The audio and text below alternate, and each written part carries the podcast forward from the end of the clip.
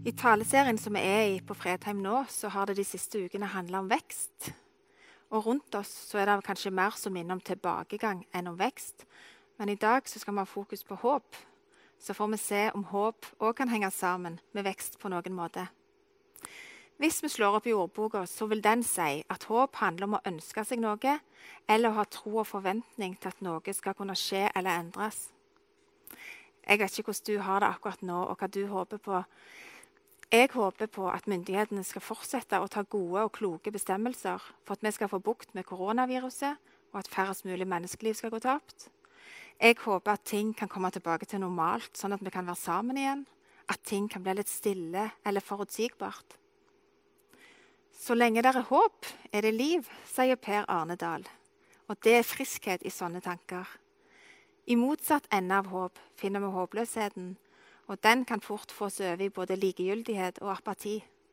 Og vi trenger å holde fast i friskheten som håpet gir oss. For hvis ikke vi har noe å håpe på, så tror jeg fort at vi kan miste både retningen og horisonten på hvor vi er på vei. For håpet kan hjelpe oss til å tro på både endring og på det som ligger der framme. I dag skal vi rett og slett ut av stuene våre for å bli med disiplene ut på båttur ut i en situasjon som preges mye mer av storm enn av stille. Vi skal lese sammen fra Matteus 14, vers 22-33.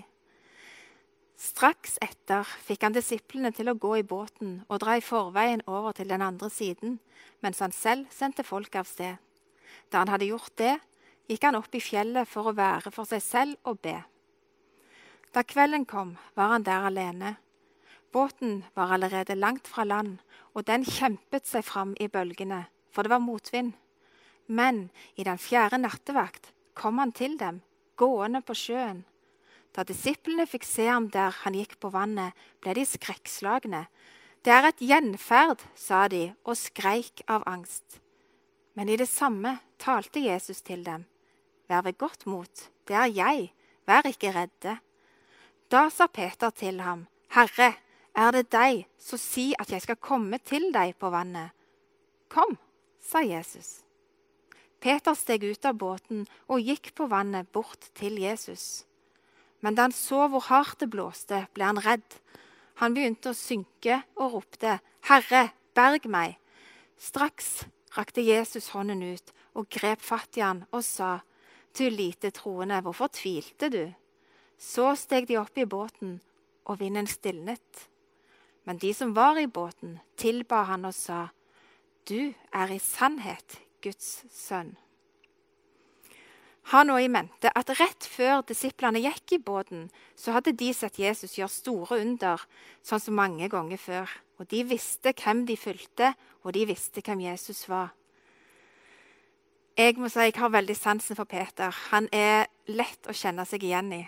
Han vil så gjerne, men så svikter motet en del ganger. I denne situasjonen i bølgene på havet så er han igjen frampå og frimodig. Og når han skjønner at det er Jesus som kommer mot ham, så ber han Jesus om å bekrefte at det virkelig er han. Og når Jesus sier 'kom', ja, da kommer Peter. Han trår ut av båten. Det går ikke så veldig lang tid før Peter flytter blikket sitt fra Jesus og over på omstendighetene. Det blåser, det er bølger, og med menneskelig forstand så er det ikke fysisk mulig å gå på vannet. Så med andre ord så kan det se ut som han har lagt ut på et håpløst prosjekt. Jeg kommer på mange gode argumenter for å stoppe opp og si dette er umulig, Peter. Vi ser at ting endrer seg når Peter endrer fokus. Når blikket hans ser på hvordan forholdene er rundt han, da kommer frykten. Og det er ikke for ingenting at Bibelen så mange ganger trøster oss med at vi trenger ikke å frykte. Jesus kjenner oss, og han vet at frykt det er en av våre responser på at vi ønsker å komme oss vekk fra utrygghet og tilbake i trygghet. Fokus på omstendighetene de gjør at Peter synker. Men når er det Jesus rekker ut hånda mot Peter? Straks, altså med en gang. Når Peter ber Herren om å berge han, da griper Jesus fatt i Peter og Peters respons på å bli brakt i trygghet, det er tilbedelse. Både han og resten av disiplene som var i båten, tilber og sier, 'Du er i sannhet Guds sønn'. Peter han kjente Jesus, og han visste at Jesus kunne hjelpe. Han visste at i møte med det som er håpløst, så var det nettopp håpets Gud som kunne redde han. Og når vi snakker om håp, så handler det faktisk i liten grad om hva vi håper på. Det handler mest av alt hvem vi setter vårt håp til. I 1. Peter kapittel 1 vers 3 så står det Lovet være Gud, vår Herre Jesu Kristi Far, Han som ved sin rike miskunn har født oss på ny og gitt oss et levende håp ved Jesu Kristi oppstandelse. Jesus, han representerer vårt levende håp. Hva var det konkret Jesus gjorde når han redda Peter fra bølgene? Vi kan lese at han greip fatt i han. Det er liksom ikke en sånn slakke hånd som bare dingles fram og sier 'hold deg fast hvis du vil'. Nei, det var Jesus sitt grep som holdt fast, og som hjalp Peter opp i båten og over i trygghet. Symbolet for håp det er et anker. Det er noe som holder fast. Jeg har tvil i mitt liv. Det er mange ting jeg ikke skjønner. Og det er veldig godt da å kunne hvile i at det er han, det er faktisk Jesus, som holder meg fast. Det står ikke og faller på hvor mye eller hvor lite jeg tror, hva jeg får til eller hva jeg ikke får til. Det handler mest om alt, om hvem jeg tror på, og hvem jeg setter mitt håp til. I Isaiah 41, vers 13 står det For jeg er Herren din Gud, som har grepet din høyre hånd og sier til deg, Vær ikke redd, jeg hjelper deg. I kristen sammenheng så bruker vi veldig ofte ord som det evige håpet og håpet om gjensyn når vi snakker om håp. Og vi tror at pga. det Jesus har gjort for oss når han hang på korset og deretter overvant døden, så kan vi en dag få komme hjem til Gud. Og der skal vi òg få treffe igjen de som har reist før oss. Dette er viktig, og dette er riktig både å løfte opp, men òg å gi videre. Guds uendelige kjærlighet til oss det er basisen for dette håpet. Det er i kjærligheten at håpet har sitt ankerfeste. En del av kjærlighetens vesen er at han gir håp, men at han òg kan skape nytt håp. På samme tida som at vi tror på en himmel, så tror vi òg at Jesus lever i dag. Vi har fått Den hellige ånd, og vi kan sette vårt håp til Jesus i små og i store ting som òg skjer i dag. Og Jesus han er interessert i livet ditt akkurat her og nå. Det er ikke likegyldig for Jesus hvordan du har det. Han som hilser oss med fred, han ønsker en relasjon, og han lengter etter å komme deg i møte med en evig og ubetinget kjærlighet og et håp som varer hver dag gjennom hele livet og videre inn i evigheten. Jeg har lite behov for å spørre Jesus om hvorfor ting skjer akkurat nå, det som skjer. Jeg tror det er sunnere å fokusere på hva kan vi gjøre nå når situasjonen er som den er. Og du og meg, vi kan velge fokus i smått og i stort. Og vi kan velge som Peter å vende blikket mot Jesus. I dag så tror jeg det er veldig viktig at vi særlig i møte med barn og unge ikke formidler håpløshet, men trygghet på at vi står i dette sammen. Vi er faktisk velsigna som lever i et land der vi har trygge ordninger når det bølger og stormer rundt oss. Uansett situasjonen vi står i, så kan vi velge å se etter ting som vi kan takke for og være takknemlige for. En av de tingene som har gjort meg takknemlig i det siste, det å se på hvordan så mange rekker ut ei hånd til medmennesker rundt seg og tilbyr hjelp. Det er en veldig stor villighet og et ønske om å bry seg om mer enn sitt eget.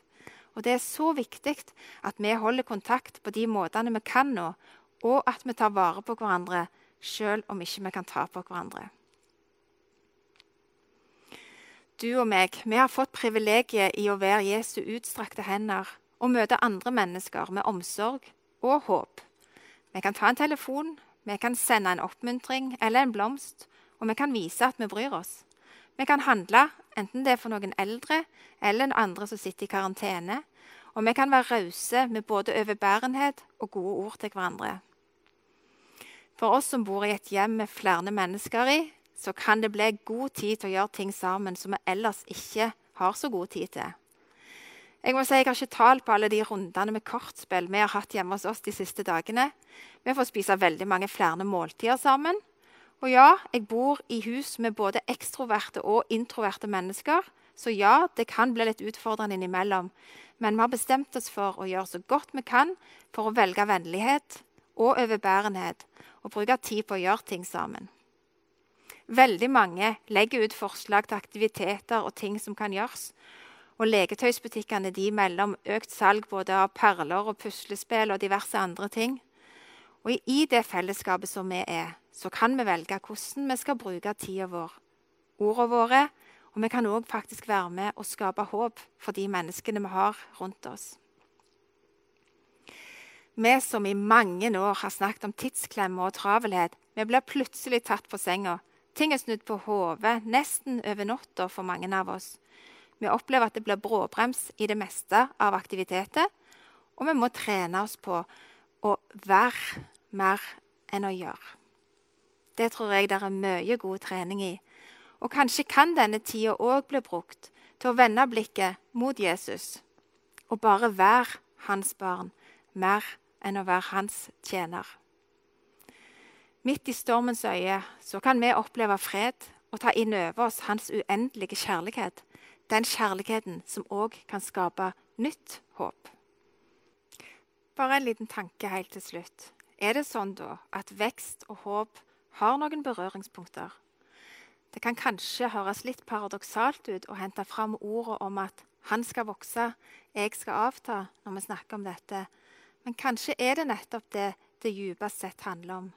Jo mer vi får hvile i at Jesus er den han sier han er, og slipper han til i våre liv, jo mer slipper vi òg håpet til, sånn at det kan få vokse i oss. Og Hvis Jesus får lov til å bli synlig i våre liv, så vil vi òg være bærere av dette håpet i møte med andre. I Salme 62 vers 2 står der Bare hos Gud skal jeg være stille, fra ham kommer mitt håp. Det handler altså ikke så mye om hva vi håper, men hvem vi setter vårt håp til. Herre, vi kommer til deg med alle våre spørsmål, med trua vår og tvilen vår. Takk for at du er den som sier at du vet hva tanker du har for oss. Fredstanker, ikke ulykkestanker. Du er den som vil gi oss framtid og håp. Hjelp oss til å være stille, sånn at du kan få tale og fylle oss, og må håpet få bo i våre hjerter. Amen.